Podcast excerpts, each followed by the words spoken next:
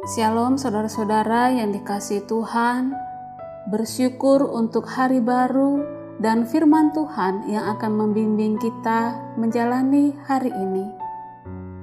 Kisah para Rasul 4 ayat 2 dan 12 Orang-orang itu sangat marah karena mereka mengajar orang banyak dan memberitakan bahwa dalam nama Yesus ada kebangkitan dari antara orang mati. Dan keselamatan tidak ada di dalam siapa pun juga selain di dalam Dia, yaitu Yesus. Sebab di bawah kolong langit ini tidak ada nama lain yang diberikan kepada manusia yang olehnya kita dapat diselamatkan. Dunia bukan tempat yang bersahabat bagi umat Allah. Hari ini kita mulai melihat adanya oposisi terhadap umat Allah di dalam kisah para rasul. Sesuatu yang akan terus terjadi di sepanjang kitab ini.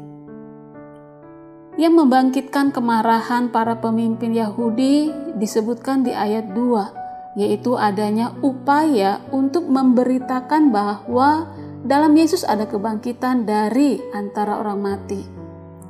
Lukas dengan cepat mengingatkan kita bahwa meskipun ditentang, Injil terus menyebar dan tidak bisa dihentikan. Orang-orang yang dahulu menuntut Yesus disalibkan, sekarang mengintegrasi Petrus dan Yohanes tentang mukjizat yang mereka baru lakukan. Petrus memberikan jawaban dengan tegas dan berani. Mujizat itu terjadi karena Yesus. Yesus Kristus, orang Nazaret yang telah kamu salibkan, tetapi yang telah dibangkitkan Allah dari antara orang mati. Suatu penggenapan dari Mazmur 118 yang mengatakan bahwa Dia yang ditolak pada akhirnya akan menang. Sekali lagi kita menemukan pola pemberitaan Injil kepada orang Yahudi yang sudah kita lihat di dua pasal sebelumnya. Perbuatan manusia yang kontras dengan perbuatan Allah, kematian dan kebangkitan Yesus, dan penggenapan kitab suci. Kisah para Rasul 4 ayat 12 mengingatkan kita pada keunikan Kristus bahwa tidak ada pribadi lain yang dapat menyelamatkan. Tidak ada, dan dalam siapa pun juga tidak ada nama lain. Jelas bahwa Kristus adalah satu-satunya jalan kepada Allah. Klaim ini didasarkan oleh kenyataan bahwa Kristus itulah yang telah mati, dibangkitkan, dan ditinggikan di sebelah kanan Allah Hal ini yang membuktikan kebenaran klaim tersebut adalah si pengemis yang tadinya lumpuh kini berdiri dengan sehatnya di hadapan banyak orang. Kristus yang telah naik ke surga masih bekerja hingga hari ini.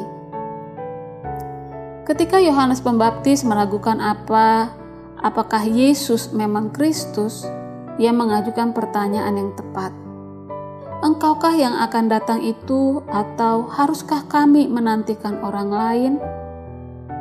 Jika Yesus bukan satu-satunya jalan, adakah orang lain yang pernah melakukan apa yang telah dilakukan Yesus? Masih haruskah kita mencari yang lain? Injil menjawab, "Tidak ada di dalam siapa pun juga, tidak ada nama lain." Petrus dan Yohanes diseret ke pengadilan mereka diinterogasi, tetapi mereka bukanlah korban yang tak berdaya. Keduanya terus melangkah maju dengan berani untuk memberitakan Injil. Saudara, Yesus adalah satu-satunya jalan kepada Allah. Dialah juru selamat kita. Masihkah kita yakin akan hal ini? Mari kita beritakan Dia kepada mereka keluarga kita, teman, sahabat, atau orang-orang yang mungkin Tuhan pertemukan untuk kita layani. Roh Kudus menolong kita. Amin.